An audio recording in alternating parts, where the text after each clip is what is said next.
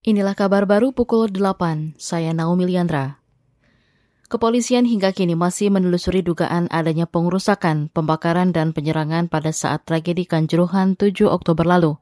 Juru bicara Mabes Polri, Dedi Prasetyo, mengatakan Polri juga akan fokus terhadap penggunaan pasal yang telah ditetapkan sebelumnya untuk menjerat tersangka tragedi tersebut.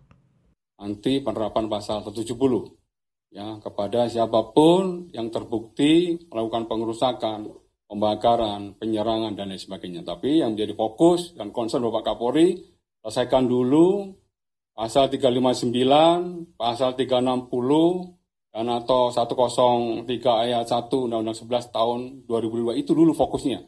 Yang penyidik harus menuntaskan itu dulu. Harus mampu membuktikan itu dulu. Karena apa? Jatuh korbannya cukup banyak. Juru bicara Mabes Polri, Dedi Prasetyo, menyebut keenam tersangka merupakan pihak yang paling bertanggung jawab dalam operasional pengamanan di lapangan.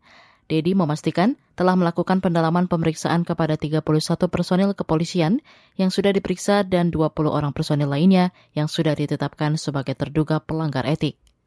Dalam kesempatan yang sama, Dedi mengklaim tidak ada korban tewas dalam tragedi Kanjuruhan yang disebabkan gas air mata. Ia mengatakan korban tewas disebabkan kekurangan oksigen. Menteri Keuangan Sri Mulyani mengklaim rancangan Undang-Undang RUU tentang pengembangan dan penguatan sektor keuangan PPSK dapat menciptakan sektor keuangan yang makin inovatif dan efisien. Menurutnya, dalam RUU tersebut terdapat peraturan yang bisa meningkatkan akses jasa keuangan, memperluas sumber pembiayaan jangka panjang, dan meningkatkan daya saing.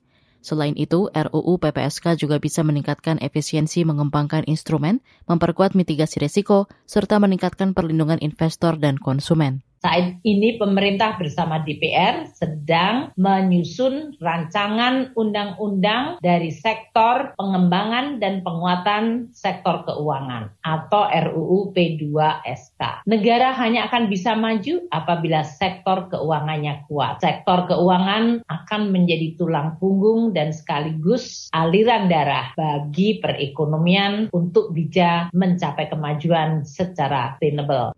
Menteri Keuangan Sri Mulyani meminta seluruh elemen masyarakat ikut mendukung dan mengawal perwujudan Omnibus Law regulasi di sektor keuangan ini.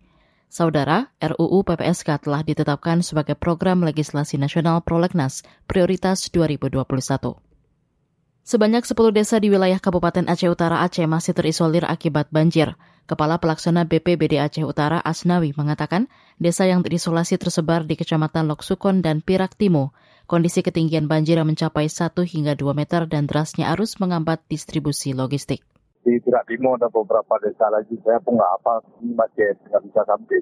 Kami bawa bantuan sama dinas sosial nggak bisa nggak bisa tembus. Jadi terpaksa bantuan di, diarahkan ke kantor camat Pirak Timo dan juga kami pernah ke apa Abu Lepot, desa tetangganya Mancang. Kalau Sukun itu memang terisolir buat desa. Itu tadi Kepala Pelaksana BPBD Aceh Utara Asnawi.